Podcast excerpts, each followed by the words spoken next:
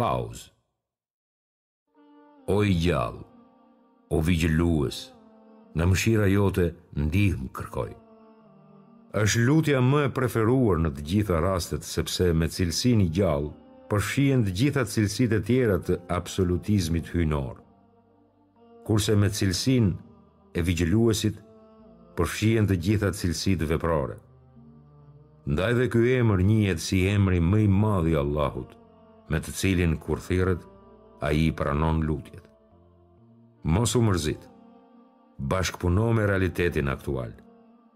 Nëse dëshiron dhe ke vullnet të fortë të arrish diçka në jetë, ajo do të nënshtrohet dhe do ta kesh, e nëse humb shpresat nga diçka, atë do ta humbësh realisht. E sikur të kënaqeshin me atë që ua dha Allahu dhe i Dërguari i Tij, e të thonin, Na mjafton Allahu. Allahu do të na furnizojë nga të mirat e Tij edhe i Dërguari i Tij. Dhe vetëm te Allahu e mbështesim dëshirën, do të ishte shumë më mirë për ta. Kam lexuar se një herë një njeri deshi të hidhej nga dritarja e shtëpisë, e në të kërcyer unaza që mbante në gisht iu zu në një gozhdë të dritares dhe ia shkuli gishtin nga vendi. Njeriu mbeti me katër gishta në njërën dorë dhe tha, S'mund ta besoj se në njërën dorë kam katër gishta, përveç kur kujtoj atë që ndodhi, sepse ndihem mirë e punoj normalisht pa pengesa. Nga ana tjetër, unë jam i pajtuar me atë që më ka ngjarë. Ky është caktimi i Allahut dhe gjithçka ndodh me dëshirën e Tij. Njoha një njeri që kishte humbur krahun e majtë si pasojë e një sëmundjeje. Jetoi gjatë, u martua e i lindi shumë fëmijë. Drejtonte makinën pa pengesë dhe kryente punën e tij i qetë, sikur të kishte lindur me një krah. Në një hadith thuhet: Pajtohu me atë që të është caktuar. Do të jesh njeriu më i pasur. Sa shpejt ambientohemi me realitetin që na rrethon dhe i përshtatemi nivelit të jetesës ku jetojmë. Dikur jetonim nëpër shtëpi e vendbanime modeste, duke u shërbyer me mjete të thjeshta. Megjithatë u pajtuam dhe e jetuam atë realitet ashtu siç ishte. Prandaj dhe ishim të qetë e të lumtur. Një herë në xhaminë e madhe të qytetit Kufe në Irak, Kishte ngjarë një shpifje në mes dy familjeve sa që kishin ngritur shpatat kundër njëri tjetrit. Njëri nga xhemati i xhamisë doli në kërkim të një njeriu të mençur e të urtë, i cili do e qetësonte situatën e tensionuar.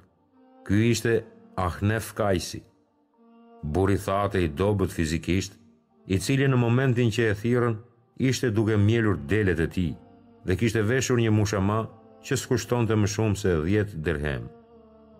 Kur e lajmëruan për shpifjen dhe zënkën në xhami, nuk u trondit aspak, sepse ishte mësuar të përjetonte raste të vështira në jetë. Në këtë rast tha, Me lejen e Zotit do bëhet mirë.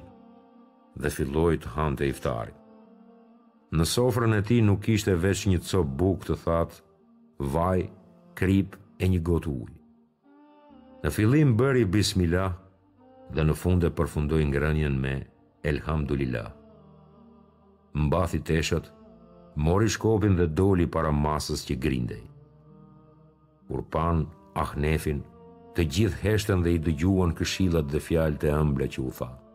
Saqë kur kërkoi të pajtoheshin e secili të shkonte në punë të vet, ata e dëgjuan dhe nuk vazhduan më shpifjet me të cilat ishin kapluar. Nga ky tregim mund të marrim mësim me urtësi në shumë pika. Madhështia e urtia s'janë në pamjen e jashme, dhe modestia e skamja s'janë mjerim, ashtu siç nuk është lumturia te pasuria. E njeriu kur e sprovon Zoti i tij, e nderon dhe e begaton, ai thotë, Zoti im më ka nderuar. Por kur për ta sprovuar, ia pakëson furnizimin e varfëron, ai thotë, Zoti im më ka nënçmuar. Vlera e njeriut është karakteri e morali i tij i lartë, e jo veshja apo pallati i tij. Njeriu peshon dhe vlerësohet në bazë të diturisë, punës, nderit, bujarisë e urtësisë që posedon. Më i miri ndër ju te Allahu konsiderohet ai që është më i devotshëm. Prandaj mos të të mahnisë pasuria e tyre e as fëmijët e tyre. Mësoje veten t'i dorëzohesh përcaktimit të Allahut. Pra zgjidhja është O Zot ne pajtohemi me atë që ndave për ne dhe ty të jemi nënshtruar. Kudo që të jeni, vdekja do t'ju kapë. Po edhe nëse jeni në pallate të fortifikuar.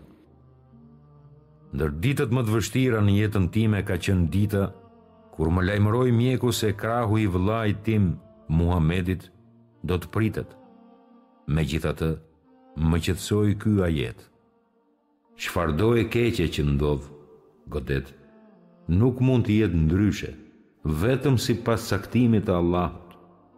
E kush i beson Allahut, ai ia udhëzon zemrën.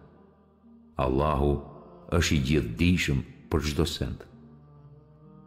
Po ti jepu lajm të mirë durimtarëve, të cilët kur i godet ndonjë e pakëndshme thonë: Të Allahut jemi dhe vetëm tek Ai kthehemi.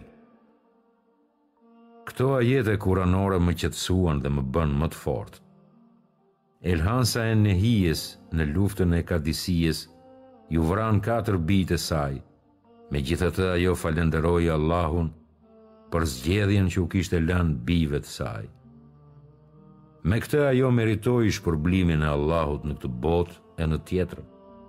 Po sikur të kishte vepruar ndryshe, duke e kundërshtuar këtë gjendje dhe duke i humbur shpresat te Zoti i botëve, ç'do të kishte fituar përveç pikëllimit dhe dënimit për mospajtim me kadan dhe kaderin e Zotit. Në hadithin e Pejgamberit thuhet: Kush pajtohet me atë që i është caktuar, atij do t'i takojë kënaqësia. E kush refuzon atë që i është caktuar, atij do t'i takojë zemërimi i madh. Pra duhet kuptuar se ilaçi i krizave dhe i sprovave Është fjalia, Të Allahut jemi dhe atij do i kthehemi. Çdo gjë që është në të në tokë, është e zhdukur e përkohshme. Ti do të jesh i vdekur edhe ata do të jenë të vdekur. Sikur të të lajmërojnë se të është djegur shtëpia ose të ka vdekur fëmija, ose të është shkatërruar pasuria, çfarë do të ndërmerrje? Tani e tutje, përgatite veten. S'të ndihmon ikja nga realiteti. Mësohu të përballosh caktimin e Zotit. Pajtohu me kadan dhe kaderin e tij, e pastaj prit shpërblimin e Zotit për gjithë këtë durim e pajtueshmëri. Po ka edhe zgjidhje tjetër, mirëpo nuk ta rekomandoj atë. Ti mund të hidhërohesh, pikëllohesh e mos pajtohesh me atë që të ka ngjarë, por çfarë do të fitosh? hidhërimin e Zotit, zëmërimin e njerëzve, humbjen e shpërblimit dhe më e rëndësishmja, ti nuk do ta kthesh të vdekurin, as shtëpinë e djegur e as pasurinë e shkatërruar, sepse ngjarja ka ndodhur në të kaluarën dhe është çështje e kryer përfundimisht. Mos u dëshpëro, Gjithçka do të marrë fund. Vdekja do t'i vijë çdokujt. Shtypësit dhe të shtypurit, të fortit dhe të dobëtit, të pasurit dhe të varfrit. Ti nuk je përjashtim në këtë dukuri natyrore. Para teje kanë vdekur njerëzit, edhe pas teje do të vdesin. Ibën Batuta tregon se diku në veri ishin varrosur një mijë mbretër, e mbi varret e tyre shkruhej, Mbretërit, pyete dheun për ta dhe për kryetarët e tyre, të gjithë janë shndërruar në eshtra. Pra habia qëndron në harresën e njeriut për këtë dukuri që është e pranishme rreth tij nga mëngjesi deri në mbrëmje. Në harresën e tij se ai nuk është i përhershëm në këtë botë dhe se nuk mund të shpëtojë nga përballja me vdekjen. Allahu thotë: O njerëz, ruajuni nga Zoti juaj, sepse dridhja pranë katastrofës së Kiametit është llahtari e madhe. Njerëzve iu është afruar koha e llogarisë së tyre, e ata të hutuar në pakujdesi nuk përgatiten fare për të. Allahu tregon për popujt mizorë që me mizorinë e tyre u shkatërruan. Sa shumë brezni kemi shkatërruar para tyre. Apo vëren ndonjë prej tyre, ose apo dëgjon pëshpëritjen e tyre. Depresioni është rruga që shpie në vuajtje. Gazeta El Muslimun në numrin 240 viti 1990 jepte një raport ku tregohej se në botë ekzistojnë më shumë se 200 milion njerëz që vuajnë nga depresioni. Depresioni ka kapluar tërë njerëzimin. Këtu s'përjashtohen njerëzit e perëndimit apo të lindjes, e as të varfrit apo të pasurit, por kjo sëmundje i godet të gjithë dhe në shumë raste përfundimi i saj është vetëvrasja. Vetëvrasja s'njeh pozita apo shtete, mirëpo frikësohet nga besimtarët. Disa statistika tregojnë se sot në botë numri i të sëmurëve me depresion arrin mbi 200 milionë dhe se një ndër 10 persona në botë janë të prekur me këtë sëmundje. Rreziku i kësaj sëmundjeje është se nuk godet vetëm të moshuarit, por edhe foshnjën në barkun e nënës. Depresioni është dera e vetëvrasjes. Në Kuranin fisnik thuhet: "Dhe mos e mbytni veten tuaj." Po ashtu thuhet: "Dhe mos e hidhni veten në rrezik." Sipas raporteve mjekësore që janë botuar, ish-presidenti amerikan Ronald Reagan ishte viktimë e vuajtjes nga depresioni. Ai edhe në moshën shtatëdhjetë vjeçare ka pasur depresion dhe tension të lartë, me gjithë operacionet që iu bënë. Kudo që të jeni vdekja do ju kap, edhe në qofshi në pallate të fortifikuara.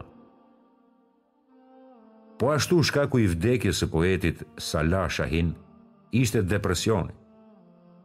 Thuhet se Napoleon Bonaparti ishte në depresion të thellë para vdekjes.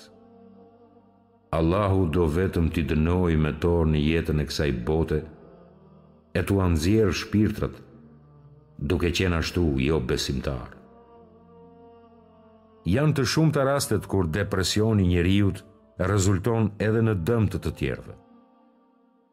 Shembulli i nënës gjermane e cila vrau tre fëmijët e saj ngase ishte depresive dhe duke dashur t'i rehatojë fëmijët e saj nga dhimbjet dhe përgjegjësia që kishte për ta, ajo i vrau të tre, e në fund edhe vetveten.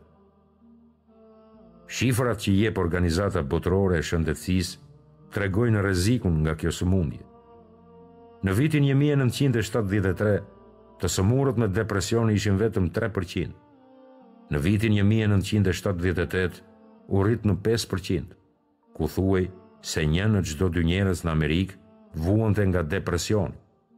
Kurse kryetari i Konferencës mbi Çrregullimet Mendore që u mbajt në Çikago më një mijë e nëntëqind e tetëdhjetë e një, deklaroi se njëqind milion njerëz në botë vuajnë nga depresioni, shumica e tyre nga shtetet e përparuara.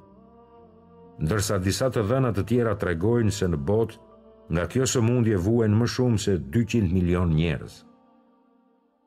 Dhe në Kuran thuhet: A nuk e shohin ata se për çdo vit sprovohen një ose dy herë e përsëri nuk pendohen e as nuk marrin mësim? Një njeri i urtë thoshte, shndërro nga limoni pije të ëmbël. Një tjetër thotë, nuk është i aftë ai që i shton përfitimet e tij, por ai që humbjet i shndërron në përfitime. Nëse s'mund të bësh diçka, Kapërceje dhe kalo në atë që mundesh. Njerëzit shpesh thonë, mos e bluaj miellin.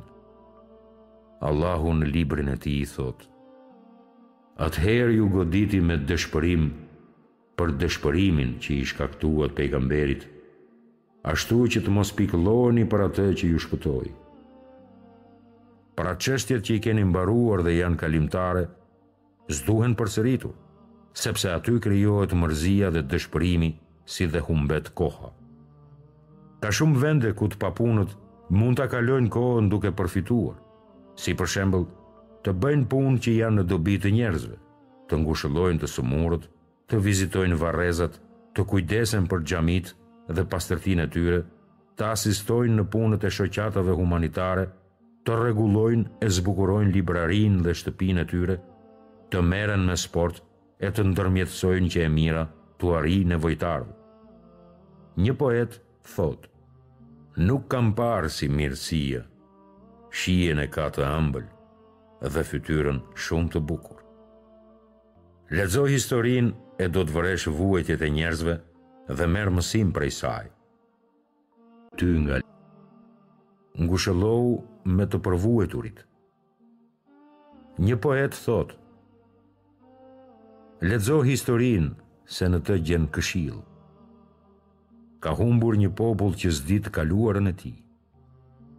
Të gjitha këto që t'i rrëfyem ty nga lajmet e pejgamberëve janë që ta forcojnë zemrën. E në to ka ardhur e vërteta e këshilla, si dhe përkujtime për besimtarët. Në tregimet e tyre të dërguarve e të Jusufit me vëllezër, pati mësime e përvojë për të zotët e mendjes. Umeri thotë, Kalojnë ditët e s'kam qëllim tjetër veç të kënaqem me atë që më është caktuar. Pra njeriu duhet të jetë i kënaqur me atë që i është caktuar, qoftë ajo e mirë apo e hidhur për të. Siç kanë thënë disa besimtarë, Nuk mërzitem te cili mjet udhëtues kam hipur. Në qoftë varfëri po duroj dhe në qoftë pasuri të falënderoj. Ebu Dhuejb el-Hudheliut Brenda një viti i vdiqën tetë fëmijë nga një sëmundje epidemike asokohëshe. Dhe ç'mund të bënte i gjori përveçse t'i dorëzohej caktimit të Allahut dhe të pajtohej me të? Në Kuranin fisnik thuhet, Çfarëdo e keqe që ndodh, s'mund të jetë ndryshe, vetëm sipas caktimit të Allahut. Ibën Abasi, kur humbi të pamurit, tha, Nëse Allahu merr nga unë dritën e syve të mi, drita përsëri mbetet në gjuhën dhe dëgjimin tim. Zemra ime është shëndosh dhe mendja më është e plotë. E gjuha ime është e mprehtë si shpata e luftëtarit. Pra Ibën Abasi kënaqet me dhuntitë e tjera të shumta që ka dhe nuk mërzitet nga humbja e paktë. Urve Ibën Zubejri e theu njërën këmbë në ditën që i vdiq djali dhe për këtë tha: O Zot! Ty të qofsha falë dhe të falënderoj pa ndalim, nëse ke marrë nga unë diçka, më ke dhënë më shumë, e nëse më sprovove me vdekjen e djalit, kjo sigurisht është në të mirën time.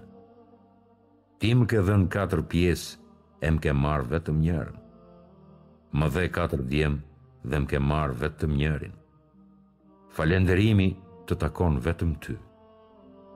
Dhe për shkak se ata duruan, i shpërbleu me xhenet dhe me petka mëndafshi.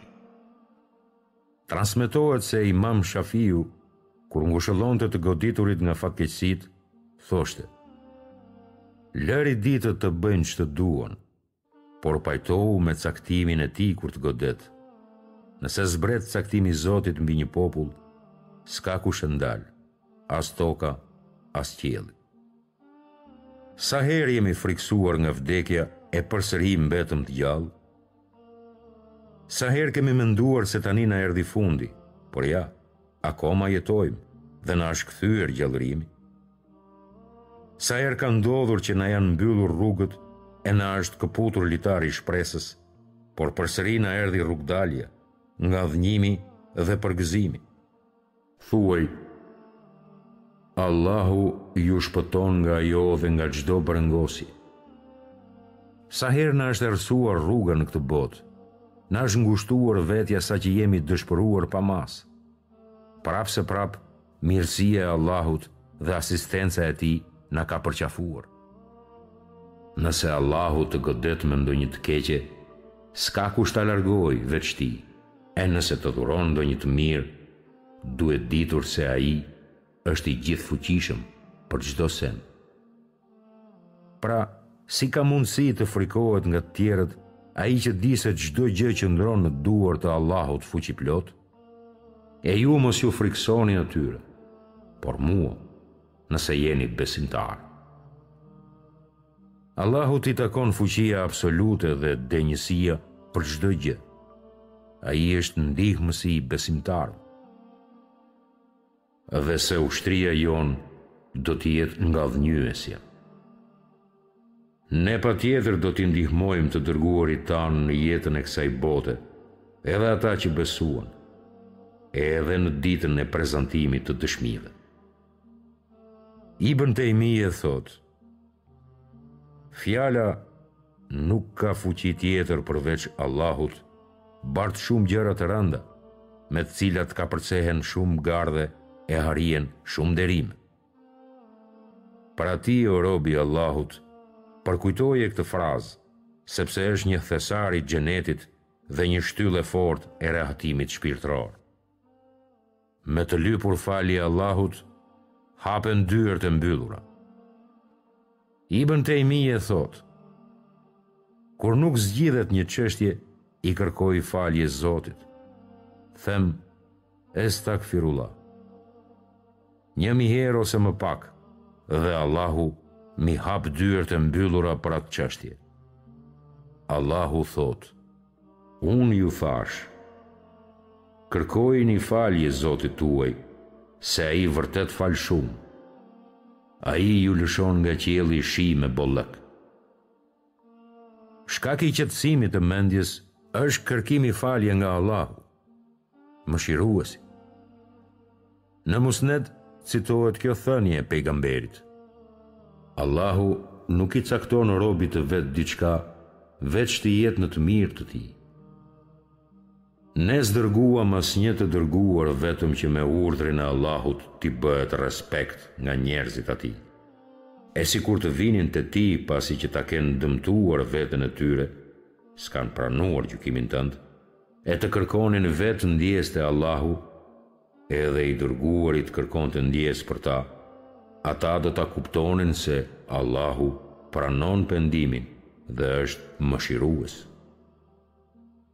Ne këto ditë i ndërrojmë mes njerëzve. Ditën kur ta përjetojnë atë, atyre do t'u duket sikur s'kanë jetuar më tepër se një mbrëmje ose një mëngjes të saj. Është për t'u habitur kur sheh njerëzit e mëdhenj gjatë historisë se si i kanë përballuar fatkeqësitë. Ata fatkeqësitë i konsideronin si pika shiu që bien mbi dhe e mbarojnë. Kështu ishte dhe Muhamedi, i cili duke qenë në shpellën Hira i thoshte Ebu Bekrit duke e qetësuar, Mos u frikëso, Allahu është me ne.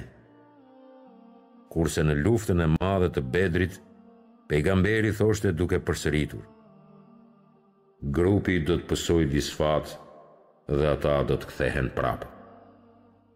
Po ashtu në luftën e Uhudit, pas vrasjes dhe lëndimeve që pësuan, Muhamedi u thoshte shokëve të vet, Radhituni pas meje që ta falënderoj dhe adhuroj Zotin tim. Kajs ibn Asim el-Menkariu, Ishte njeri me mençuri të rrallë ndër arabë.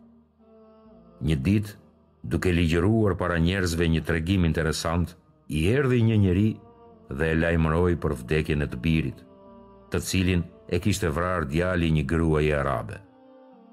Ky nuk e ndërpreu tregimin derisa e mbaroi atë dhe atëherë tha: Le të lahet trupi i djalit tim dhe të mbështillet e kur të vijë koha për të falur namazin e xhenazës më thërrisni dhe të durueshmit në skamje, në sëmundje dhe në flakën e luftës. Të tillët janë ata të sinqertit e të tillët janë ata të devotshmit. Le të mbështeten të tjerët tek ti e jo ti tek ata. Një i mençur në qëndrimet dhe vendimet e veta, Nuk mbështetet tek të tjerët.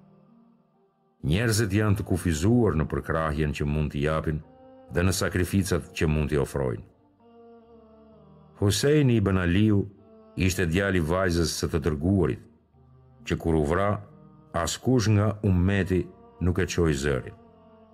Madje ata që e vranë bënin tekbire, Allahu Ekber dhe shehadet, la ilahe illallah. për luftën e madhe që fituan. Zoti e mëshiroftë Husejnin dhe familjen e tij. Një poet arab thotë: Erdhën me kokën tënde o biri i vajzës së Muhamedit, duke festuar me gëzim për derdhjen e gjakut të tij. Ata madhëronin Allahun për vrasjen tënde, e nuk vranë tjetër përpos adhurimin dhe shehadetin e tyre. Po ashtu rasti i Ahmed bin Hambelit, i cili u burgos dhe u torturua, por askush s'ngriti zërin kundër kësaj padrejtësie. Pra veç Allahut, mos lut zot tjetër e të bëhesh prej të dënuarve. Ibn Tejmije u burgos e u torturua, por turma e madhe e njerëzve që e përcollën më vonë kufomën e tij, nuk lëvizi për ta shpëtuar. Allahu thotë, Ata nuk posedojnë për vetvete as dëm, as dobi. Ata s'kanë në dorë as vdekje, as jetë, e as ringjallje. O pejgamber, Allahu të mjafton ty dhe besimtarëve që janë me ty. Ti mbështetju atij të përjetshmit që nuk vdes kurrë. Madhëroje me lavdërimin që i takon atij. Ai mjafton për njohje në hollësi të mëkateve të robëve të vet. Ata s'mund të të mbrojnë për asgjë te Allahu. Maturia në pasuri Ai që shpenzon me urtësi, asnjëherë nuk mbetet në varësi të të tjerëve. Një poet thotë, Ruaji paratë e tua, sepse pasuria të sjell respekt. Kështu, nuk do t'ia shtrish dorën xhaxhait, e as dajës. Çdo filozofi që mbështet ekstravagancën në shpenzime është e gabuar dhe jo e drejtë. Islami thërret në përfitimin e pasurisë së pastër, grumbullimin në mënyra të pastra si dhe shpenzimin e saj në vende të ndershme. Pejgamberi thotë, Pasuria më e vlefshme është ajo që është në duart e njeriut të vlefshëm. Kurse shkaku që sjell shqetësime dhe brengosje është borxhi i tepruar ose varfëria e madhe. Profeti thotë: O Zoti im, më ruaj nga varfëria dhe ateizmi. Varfëria është thuajse mosbesim. Këto hadithe nuk i bien ndesh hadithit që transmeton Ibën Maxhe, Përpiqu të kesh më pak në këtë botë, që Allahu të të dojë. Mos kërko të kesh atë që kanë të tjerët, kështu do të duan njerëzit. Megjithëse ky hadith është i dobët, domethënia e tij është të posedosh mjaftueshëm në jetën e përditshme. të mos ua shtrish dorën të tjerëve dhe të mos varesh prej tyre, e kështu të jetosh me nder dhe respekt nga të tjerët. Një poet thotë, askujt veç Krijuesit s'ia shtriva dorën më parë, e nga Krijuesi kurrë s'kam kërkuar dinar. Muhamedi thotë në një hadith të vërtetë, Për ju është më mirë t'i lini pasardhësit tuaj të pasur, sesa t'i lini të varfër, që do të kërkojnë nga të tjerët. Ndërsa në hadithin tjetër thuhet, Dora e sipërme që jep është më e mirë sesa dora e poshtme që merr. Prandaj ai që nuk e di gjendjen e tyre mendon se ata janë të pasur. Pra mos u bëj i neveritshëm te të tjerët duke kërkuar nga ata pasuri, sepse Allahu është furnizuesi, i cili me lindjen tënde ka garantuar rizkun dhe jetën me nder. Nderi i besimit është i madh.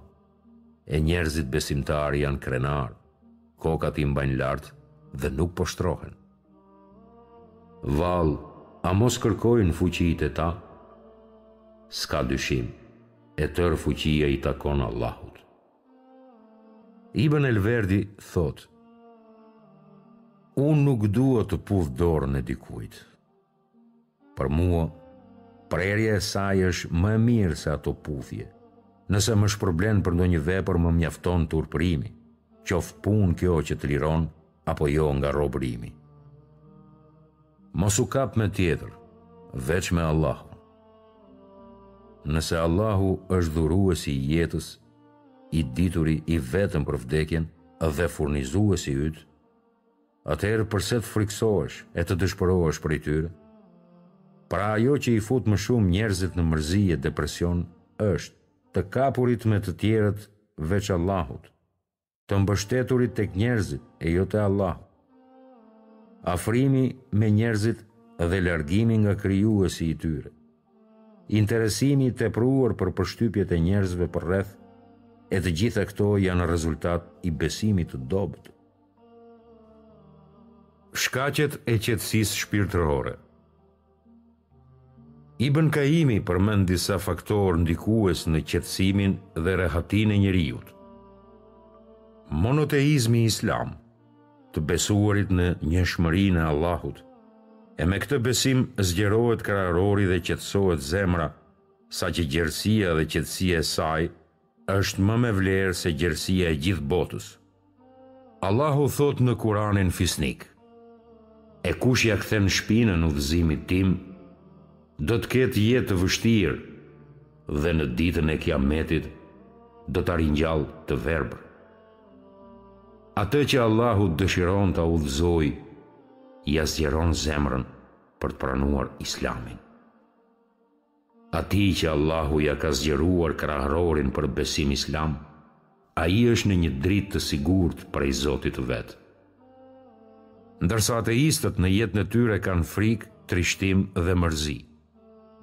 Ne do të mbjellim frikën në zemrat e atyre që nuk besuan, sepse ata Allahut i trillojnë e i mveshin zota të tjerë, duke mos pasur për të kurrfarë fakti, ndaj vendbanimi i tyre do të jetë Xhehennemi. Sa i shëmtuar është vendi i mizorëve! Atë që dëshiron ta lërë të humbur, zemrën e tij ia bën shumë të ngushtë, si të ngjitej në qiell. Kështu Allahu lëshon dënimin mbi ata që nuk besojnë. Dituria e dobishme. Dijetarët janë njerëzit më të hapur e të mëshirshëm. në veçanti ata që kanë trashëguar trashëgiminë e Muhamedit. Allahu të shpalli ty librin dhe sheriatin të mësoi çka nuk dije. Dhuntia e Allahut ndaj teje është shumë e madhe. Veprat e mira. Puna e mirë i jep dritë zemrës dhe fytyrës. Ajo rezulton në zbritjen e riskut të bollshëm dhe në përfitimin e dashurisë së njerëzve. Allahu thotë: Sikur ata t'i përmbaheshin rrugës së drejtë, Ne do u lëshonim atyre ujë me bollëk. Trimëria Njeriu trim është i vendosur dhe i fortë, atë s'e trazojnë as vuajtjet e as vështirësitë financiare. Largimi nga mëkatet Mëkatet janë të dëmshme për të tashmen dhe errësirë vrasëse për të ardhmen. Një poet thotë, Kam parë se mëkatet vdesin zemrën, ata që shkojnë pas tyre fitojnë vetëm gjëmën. Largimi nga teprimi në gjërat e lejuara. Këtu hyjnë ushqimet e përditshme, fjalët dhe gjumi. Dhe ata të cilët i shmangen së kotës, fjalë a punë. Që ai nuk hedh ndonjë fjalë e të mos jetë pranë tij përcjellësi i gatshëm. Hani dhe pini e mos e teproni, sepse ai s'i do ata që e teprojnë. Një poet thotë, O ti shok i shtratit, me gjumë e ke tepruar. Ta dish se pas kësaj jete, ka gjumë të pambaruar. Gjërat e përcaktuara Një pacient i cili ishte në depresion dhe shterim psikik, E pyet mjekun musliman për këshillë mjekësore dhe ai i përgjigjet: Kuptoje se bota dhe gjithçka ekziston në të është krijuar nga Krijuesi i gjithësisë dhe është paracaktuar. Asnjë lëvizje s'ndodh në të përveçse me urdhrin e Krijuesit. Atëherë, përse të mërzitesh e të pikëllohesh? Allahu i ka krijuar përcaktimet e krijesave pesëdhjetë mijë vjet përpara se t'i krijonte.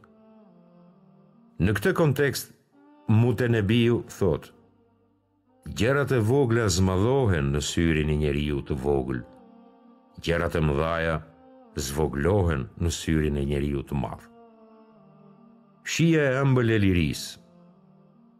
Er-Rashidi shkruan në librin e tij El-Mesar, Kush posedon treqind e gjashtëdhjetë copa buke, një kuti me vaj dhe një mijë e gjashtëqind hurma, atë nuk mund ta robërojë askush.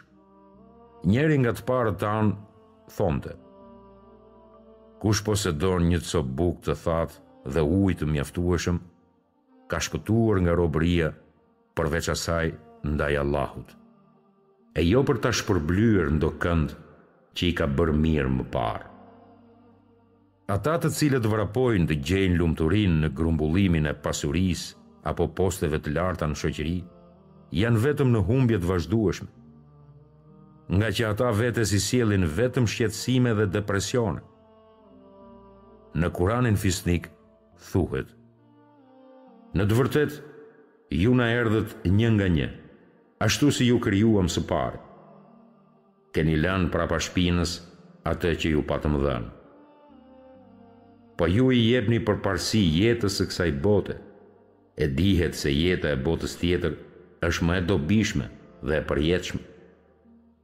Dheu ishte jastëku i Sufjan e Theuriut. Gjatë qëndrimit në Muzdelife, Sufjan e Theuriu ishte shtrirë në tokë dhe si jastëk të tij kishte grumbulluar pak dhe. Disa njerëz që kaluan aty afër u habitën me të dhe i thanë: Shkencëtari i njohur i hadithit të Profetit i shtrirë në këtë vend? Ai u përgjegj: Betohem në Zotin e Gjithësisë se ky jastëk i imi është më i madh se ai i kalifit Ebu Xhafer el-Mensur. Thuaj, Neve s'na godet asgjë tjetër përveç asaj që na është caktuar nga Allahu. Ai është ndihmëtari ynë.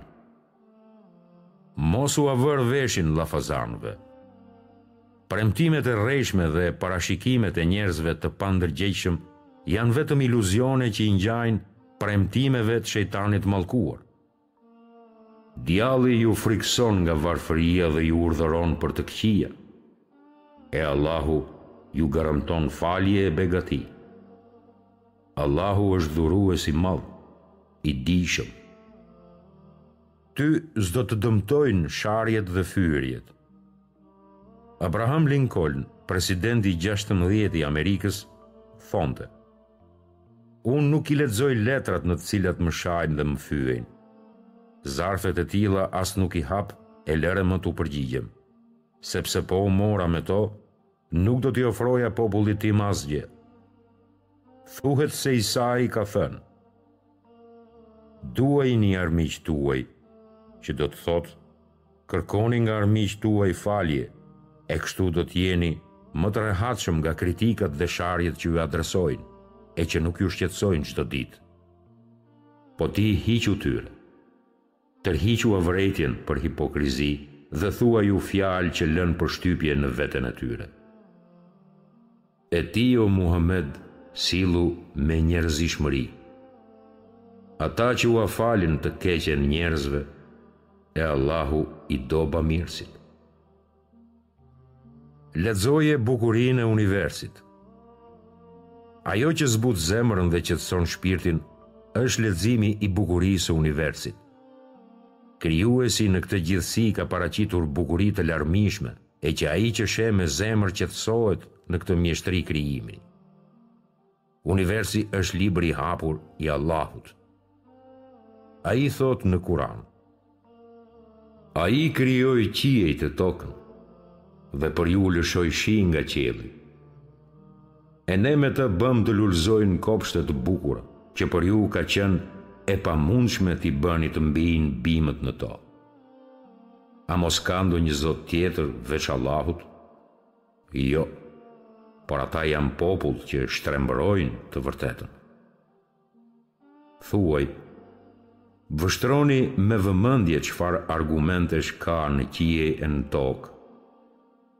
Musai tha, Zoti ynë është ai që çdo sendi i dha formën e vet, pastaj e udhëzoi atë. Një poet thotë, Në çdo gjë ai ka shenjë. Kështu argumentohet se ai është një. Në Kuranin fisnik thuhet: A nuk i shikojnë devetë se se si janë krijuar? Shkencëtari i madh Albert Einstein thotë: Kush vëren me vëmendje universin e di se krijuesi absolut është i urtë në krijimin e tij dhe ai nuk luan me zar. Ai që përsosi krijimin e çdo sendi dhe krijimin e njeriut e filloi nga balta.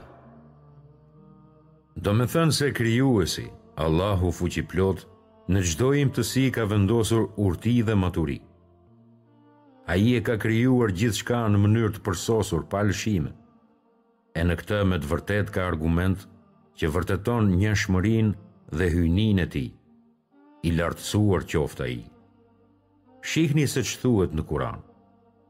As dielli nuk mund të arrijë hënën, e as nata para ditës, po secili noton në një orbitë. Koprracia nuk sjell dobi. I dërguari i Allahut ka thënë: Askush nuk do të vdesë pa plotësuar riskun dhe jetën e vet.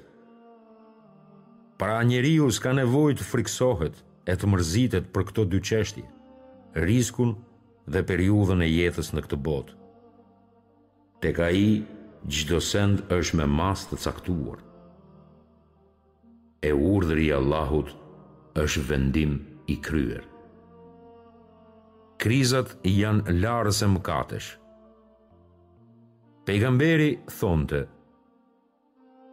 Kur besimtarin e godet ndonjë shqetësim, mërzi, vuajtje, lodhje, sëmundje, madje edhe kur shpohet nga ferra, Atij përmes këtyre Allahu ia fal mëkatet e bëra. Ejani në namaz. Allahu thotë në Kur'anin e Madhërishëm: O ju që keni besuar, kërkoni ndihmë me durim e me namaz, se vërtet Allahu është me durimtarët. Muhamedi kur ishte në gjendje të shqetësuar, i thoshte muezinit të tij, O Bilal, na jep qetësi me të. Domethënë na qetëso zemrat tona me namaz. Po ashtu i thonte, Paqja e qetësia ime gjendet në namaz. Pra kur të ngushtohen rrugëdaljet dhe të rrethon errësira e mërzisë, apo kur të lënë shokët dhe mbetesh i trishtuar, atëherë kërko ndihmë në namaz. Kështu vepronte Muhamedi në të gjitha situatat e vështira që gjendej. Ai në luftën e madhe të Bedrit para se gjithash kërkoi qetësinë dhe përqendrimin në namaz. Ibën Asakiri dhe Ibën El Kaimi rrëfejnë se një herë në rrugët e Shamit, një njeri të mirë dhe të devotshëm e kishte zënë një kusar dhe kishte vendosur ta vriste. Njeriu i mirë kërkoi nga krimineli t'ia mundësonte të falte dy rekate namaz. Kur u ngrit për t'u falur, në fillim lexoi këtë ajet kuranor.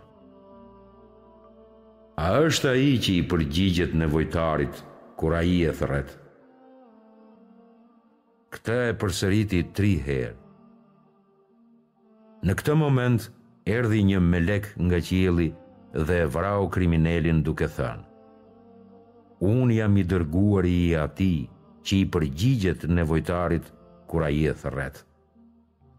Po ashtu mërzia dhe shqetësimi largohet me salavatet e përcjellura Pejgamberit. Në Librin e Allahut thuhet, Është e vërtetë se Allahu dhe engjëjt e Tij Me madhërim e mëshirojnë pejgamberin. O ju që keni besuar, madhërojeni për atë duke rënë salavat dhe përshëndeteni me selam. Pejgamberi thotë, Kush më përcjell mua një salavat, Allahu do t'i përcjellë atij dhjetë. Shtoni salavatet ndaj meje natën dhe ditën e premte, sepse salavati i juaj më ekspozohet mua. I thanë, Si të ekspozohen salavatet tona kur do të jesh me trup i shkatërruar? U përgjigj, Allahu ia ka ndaluar tokës që të tresë trupat e pejgamberëve. Ibën Tejmije thotë, Salavatet më të plota përcjellur Pejgamberit janë Salavatet Ibrahimije. O Zoti im, dërgoja salavatet Muhamedit dhe familjes së Muhamedit, ashtu siç i dërgove ato Ibrahimit dhe familjes së Ibrahimit. O Zoti im, bekoje Muhamedin dhe familjen e Muhamedit, Ashtu si bekove Ibrahimin dhe familjen e Ibrahimit në të dy botërat. Me të vërtetë, ty të takon lavdia dhe madhërimi. Lëmosha sjell paqe. Ndër shkaqet serioze të sjelljes së lumturisë dhe largimit të mërzisë, është edhe të dhënurit lëmoshë të tjerëve. Madje kjo është faktor madhor që sjell lumturinë. Jepni nga ajo me çka ju furnizuam Ne. Sadakadhënësit e sadakadhënëset. E shembulli i atyre që pasurinë e vet e japin nga bindja e tyre dhe duke synuar kënaqësinë e Allahut, i përngjan një kopshti në një rrafshnaltë që i bie shi i madh. e ai jep fruta të dyfishtë. Po edhe nëse nuk i bie shi i madh, i bie një rigë që i mjafton. Allahu sheh atë që veproni. Duhet të bëhet e qartë se shpirtngushtësia dhe kopracia nuk u sjell kopracëve lumturinë që kërkojnë, por përkundrazi, Atë mund ta gjejnë vetëm në shpërndarjen e sadakasë dhe mirësisë ndaj të tjerëve. Nëse i huazoni Allahut diçka të mirë, Ai jua shumëfishon atë dhe ju fal. Allahu është shumë mirënjohës, i butë. As dhënia e lëmoshës nuk të shton jetën, e as mosdhënia e saj. Megjithatë, dhënësi përsëri fiton. Mos u hidhëro. E nëse të godet shejtani me ndonjë vesves, ti kërko strehim te Allahu, sepse vërtet Ai dëgjon e di. I dërguari i Zotit, Muhamedi, duke këshilluar njërin nga shokët e tij, thoshte: Mos u zëmëro, mos u zëmëro, mos u zëmëro. Ndërsa kur njëri u hidhërua në praninë e tij, ai i tha: Kërko mbrojtje nga Allahu Fuqiplotë të të ruaj nga shejtani i mallkuar. Allahu thotë, Vërtet, ata që janë të ruajtur, kur i prek ndonjë iluzion nga djalli, përkujtojnë Allahun dhe atëherë shohin të vërtetën. Nëse hidhërimi sjell depresion dhe trishtim, Muhamedi shërimin e tyre e sheh në disa pika. Ndër to janë. Të mësuarit e vetvetes me braktisjen e hidhërimit. të cilët japin kur janë shlirë dhe kur janë në vështirësi dhe që e frenojnë mllefin, që ua falin të keqen njerëzve, e Allahu i do bamirësit. Dhe ata që u shmangen mëkateve të mëdha e të shëmtuara dhe kur hidhërohen, ata falin. Abdesi Hidhërimi është një copë prushi dhe këtë e shuan vetëm ujë. Pejgamberi thotë, abdesi është armë e besimtarit. Gjatë zemërimit, nëse njeriu është në këmbë të ulet, e nëse është ulur, të shtrihet. Të heshtë e të mos flasë nëse është i hidhëruar. Të përkujtojë se njeriu i cili fal ka shpërblim të madh te Allahu. Lutje në mëngjes. Më poshtë do t'ju përkujtoj disa lutje të mëngjesit, me të cilat do të fitoni lumturinë dhe mbrojtjen e Allahut nga shejtani dhe xhinët.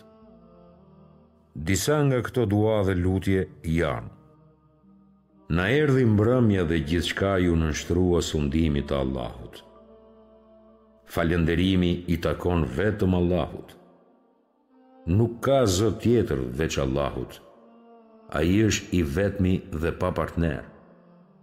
Atij i takon sundimi dhe falënderimi. Ai ka mundësi për çdo send. Zoti im, të lus të më japësh më të mirën e kësaj nate dhe më të mirën që vijon pas saj. Kërkoj mbrojtjen tënde nga e keqja e kësaj nate dhe asaj që vjen pas. Zoti im, më ruaj nga përtacia dhe nga dëmi i kryelartësisë, Zoti im, kërkoj mbrojtjen Tënde nga dënimi i zjarrit dhe vuajtjet e varrit. Zoti im, unë u zgjova dhe po dëshmoj. Dëshmojnë edhe bartësit e arshit Tënd, melekët e Tu dhe gjithë krijesat se Ti je Zoti dhe nuk ka tjetër përveç Teje. Ti je i vetmi pa partner dhe dëshmojmë se Muhamedi është robi dhe i dërguari yt. Kjo përsëritet katër herë.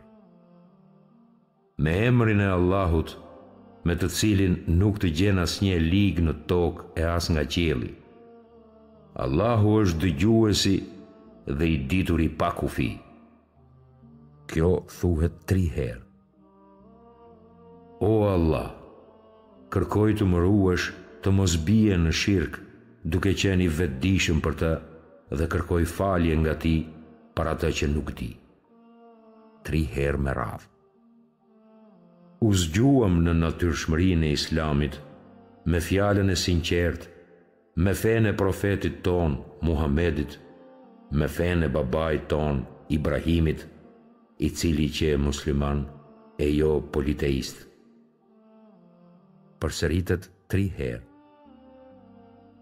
I lartësuar dhe i falënderuar qoftë Allahu! Sa numri i krijesave të Tij, sa madhështia e mirësisë së Tij, sa pesha e Arshit të Tij dhe sa të gjitha fjalët e Tij! Tri herë. Unë jam pajtuar dhe jam i kënaqur që Allahu të jetë Zoti im, Islami feja ime dhe Muhamedi profeti im. tri herë. Kërkoj mbrojtje me fjalët e plota të Allahut nga e keqja që Ai ka krijuar. O Zoti im, nën sundimin Tënd na erdhi mëngjesi dhe nën sundimin Tënd vjen mbrëmja. Nën sundimin Tënd jetojmë dhe nën atë vdesim. Tek Ti është kthimi. Nuk ka zot tjetër veç Allahut, të vetmit pa partner. I Tij është sundimi dhe falënderimet vetëm Atij i takojnë. Ai ka mundësi për gjithçka. Kurani, libri fisnik.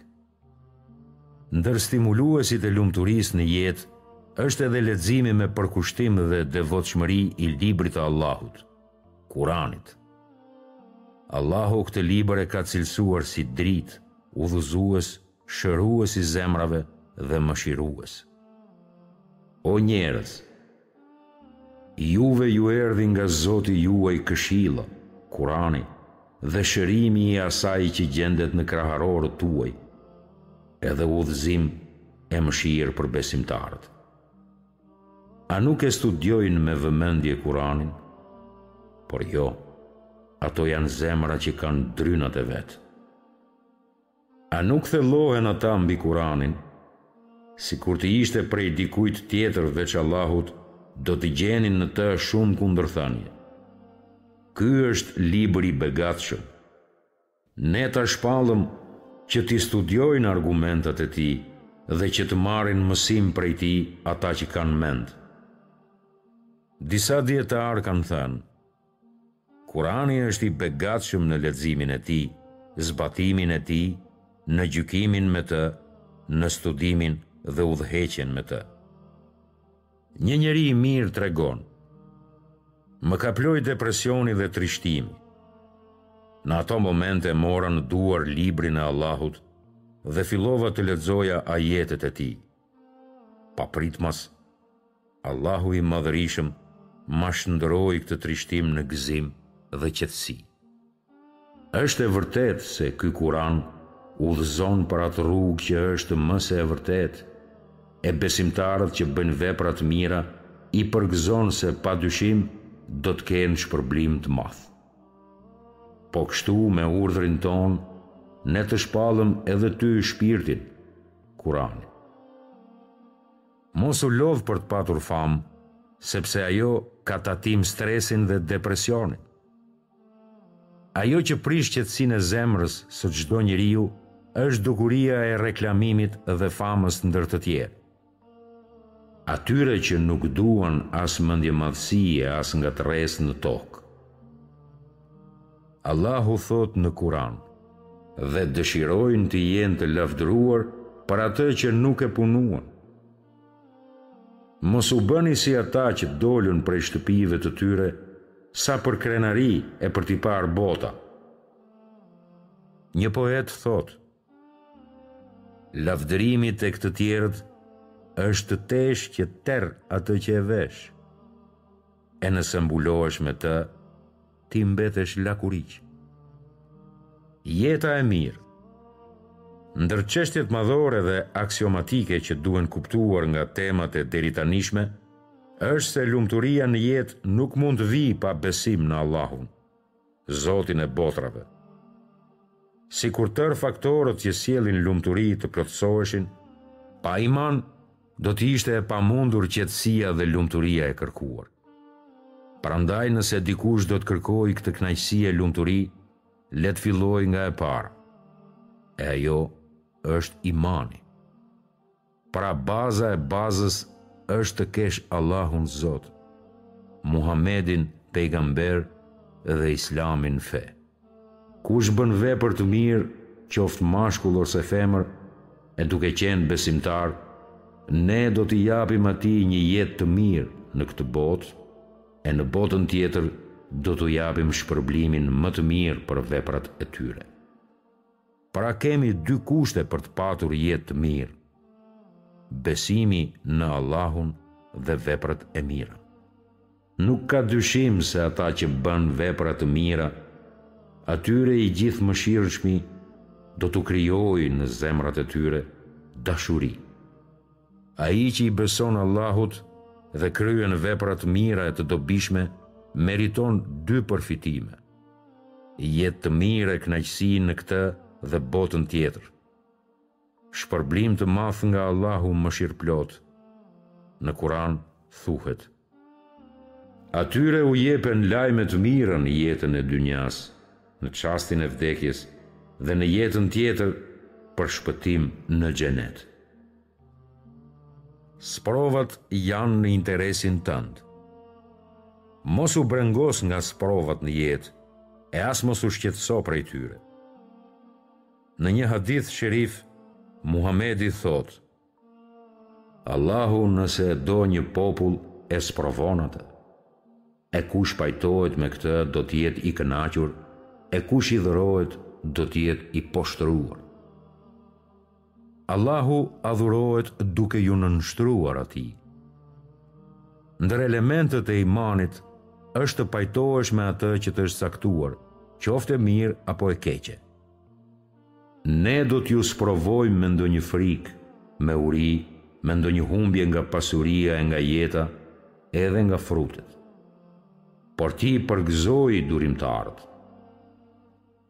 Ajo që është e caktuar për ne zvaret nga dëshirat tona, sepse ne shpesherë nuk dimë ç'është e mirë dhe ç'është e dëmshme për veten tonë. Në gjithë këtë, ne jemi të nënshtruar nën përcaktimet e Zotit, të urtit. Çdo njeri sprovohet në varësi të nivelit të imanit që ka. Njerëzit që sprovohen më shumë janë pejgamberët, pastaj njerëzit e devotshëm. Ti Muhammed duro, ashtu sikurse duruan të dërguarit e vendosur. Atij që ia do Allahu të mirën, e sprovon atë me sprova të ndryshme. Për këtë Allahu thotë në Kur'an: Ne do t'ju sprovojmë derisa t'i njohim luftëtarët dhe ata që ishin të qëndrueshëm nga mesi juaj. Po edhe do t'i sprovojmë veprat tuaja. Nga qeverisja në zdrukthtari. Ali ibn El Memun El Abasi, i biri i kalifit, banonte në një pallat të lartë. Në të kishte gjithçka që dëshironte. Një ditë duke shikuar nga dritarja e pallatit, Pa një punëtor që punonte tërë ditën dhe në mbarim të ditës merrte abdes dhe falte dy rekat namaz. Këtë e bënte çdo ditë, kështu që Aliu një ditë i doli përpara dhe e pyeti për gjendjen e tij. Punëtori i tha: Unë kam gruan, dy motra dhe nënën time që kujdesem për to. Tërë ditën punoj dhe agjëroj që në mbrëmje darkën ta ha bashkë me familjen time. Aliu e pyeti, a të mungon ndonjë gjë? Tha, jo, jetoj i lumtur e shumë i kënaqur. Falenderoj Allahun, Zotin e botrave, për të mirat që më dha. Në këtë rast, Aliu vendosi të lërë pallatin e kalifit, ku jetonte me të gjitha të mirat, dhe doli të jetojë jashtë vetëm e vetëm që të arrinte lumturinë që s'e gjeti në pallat. Pas disa vjetësh e gjetën të vdekur në një shtëpi afër Horosanit, ku kishte punuar si zdrukthtar, por gjithnjë i lumtur me punën e tij. Kurse ata që e gjetën rrugën e drejtë, Ai atyre ua shton edhe më udhëzimin në rrugën e drejtë dhe u ofron mundësi të jenë edhe më të matur. Kjo ngjarje na kujton tregimin e shokëve të Shpellës, të cilët ishin në pallatin mbretëror dhe aty gjetën vetëm ngushtësi e shqetësim, sepse në pallat sundonte mosbesimi. Kështu vendosën të dalin dhe të jetojnë në Shpellë. Kurani i përshkruan në këtë mënyrë, Deri sa të jeni izoluar prej tyre dhe prej asaj që adhurojnë ata veç Allahut, atëherë strehohuni në shpellë, e Zoti juaj ju dhuron nga mëshira e Tij e gjerë dhe ju lehtëson në çeshtjen tuaj atë që është në dobinë tuaj. Pra, vendi i ngushtë, me dashuri dhe iman zgjerohet dhe bashkon shumë njerëz. Përzierja me njerëzit e ngathët të shkakton lodhje. Sipas shumë dijetarëve islam, fjala thekil ka këto kuptime. I ngathët, teveqel, i trash, i ngurtë në sjelljet e tij. Po ata janë si trungjet e zgavruar e të mbështetur. Imam Shafiu thotë për këta njerëz, Kur njeriu i rëndë ulet me mua, më duket sikur toka rëndohet prej tij. Kur shihte ndonjë njeri të rëndë mendërisht, El Ameshi thonte, Zoti ynë, largoje prej nesh dënimin, ne do të besojmë. Njerëzit e rëndë mendërisht janë si era e keqe, që të ngjitet në tesha e s'del lehtë. Kur sheh ata se janë thelluar me tallje në çështjet tona, largohu prej tyre derisa të kalojnë në bisedë tjetër. Mos rrini me ata. Njerëzit më të rëndë mendërisht janë ata që kanë sjellje të dobët, moral të ulët dhe që u janë nënshtruar epsheve të tyre. Mos rrini me ata derisa të mos hyjnë në bisedë tjetër. Përndryshe, ju do të jeni si ata. Për të prekurit nga fatkeqësitë. Në një hadith kudsi të respektuar thuhet: Kujt ia marr njeriun më të afërt në këtë botë, edhe ai këtë e llogarit në të mirë dhe duron, Unë do t'ia kompensoj atë me xhenet. Në një thënie tjetër kudsi pohohet: Cilin e privoj nga dy të dashurit, sytë, do t'ia zëvendësoj ata të dy me xhenet. Sepse në të vërtetë nuk verbohen sytë, por zemrat në kraharor. Po ashtu në një hadith të vërtetë thuhet, Kur Allahu merr shpirtin e birit të robit besimtar, iu thotë melekëve, Ju më sollët shpirtin e birit besimtar? Ata thonë,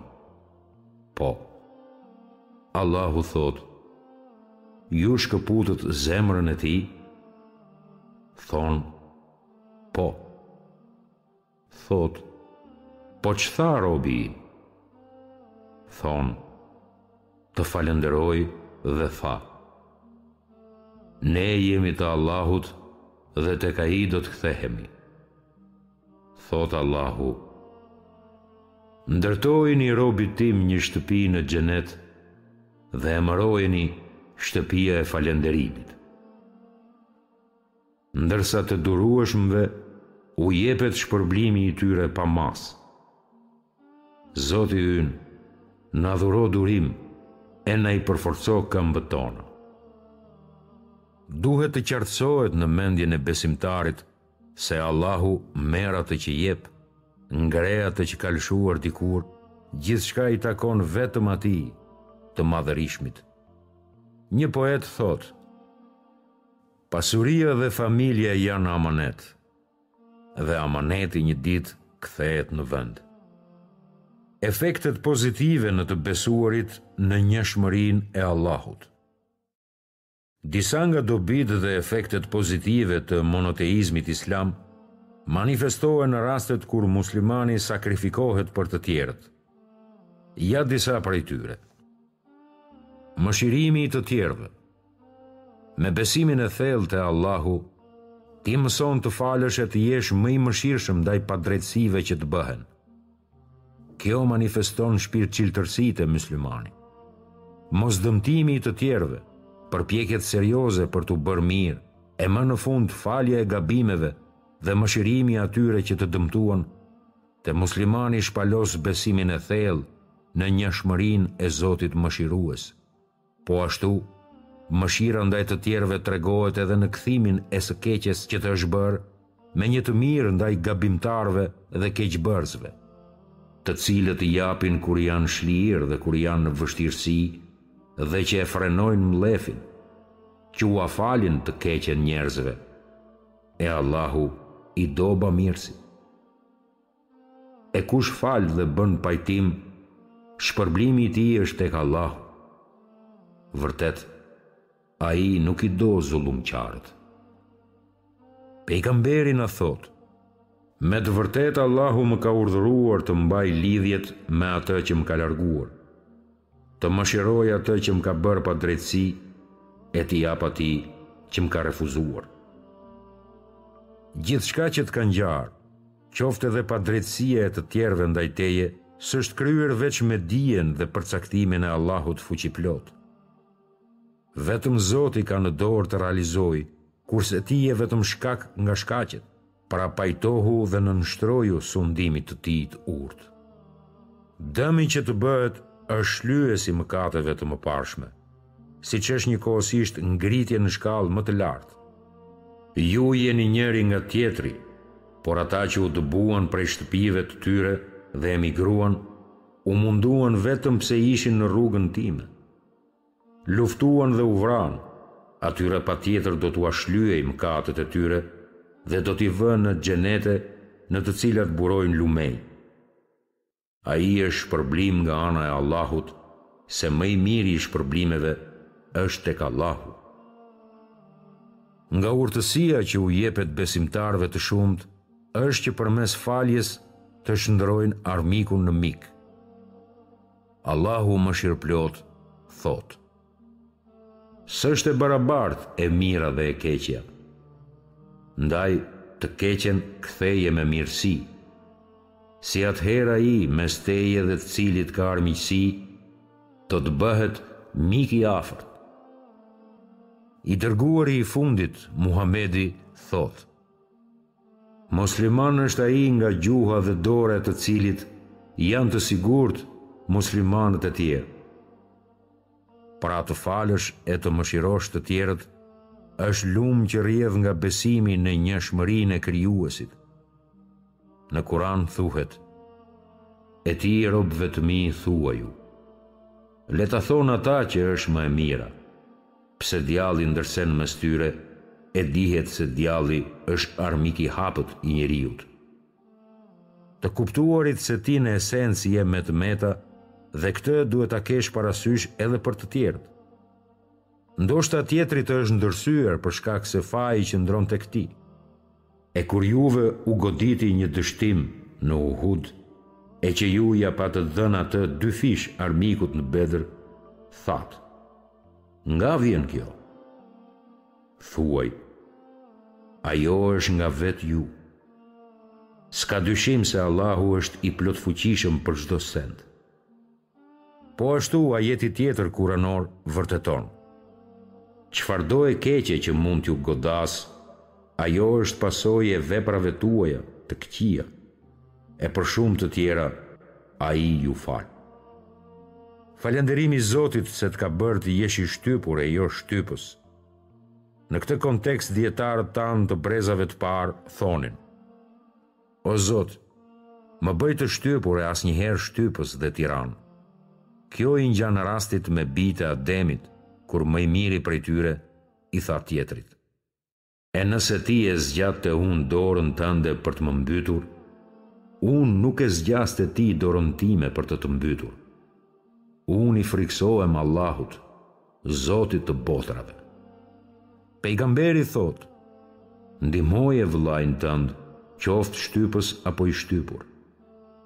Që do të thotë se neve duhet t'i asistojmë vëllait tonë musliman kur atij i bëhet padrejtësi, por edhe kur ai vetë e bën këtë.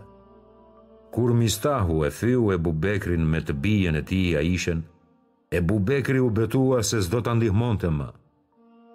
Mistahu ishte shumë i varfër dhe Ebu Bekri ia mbulonte shpenzimet.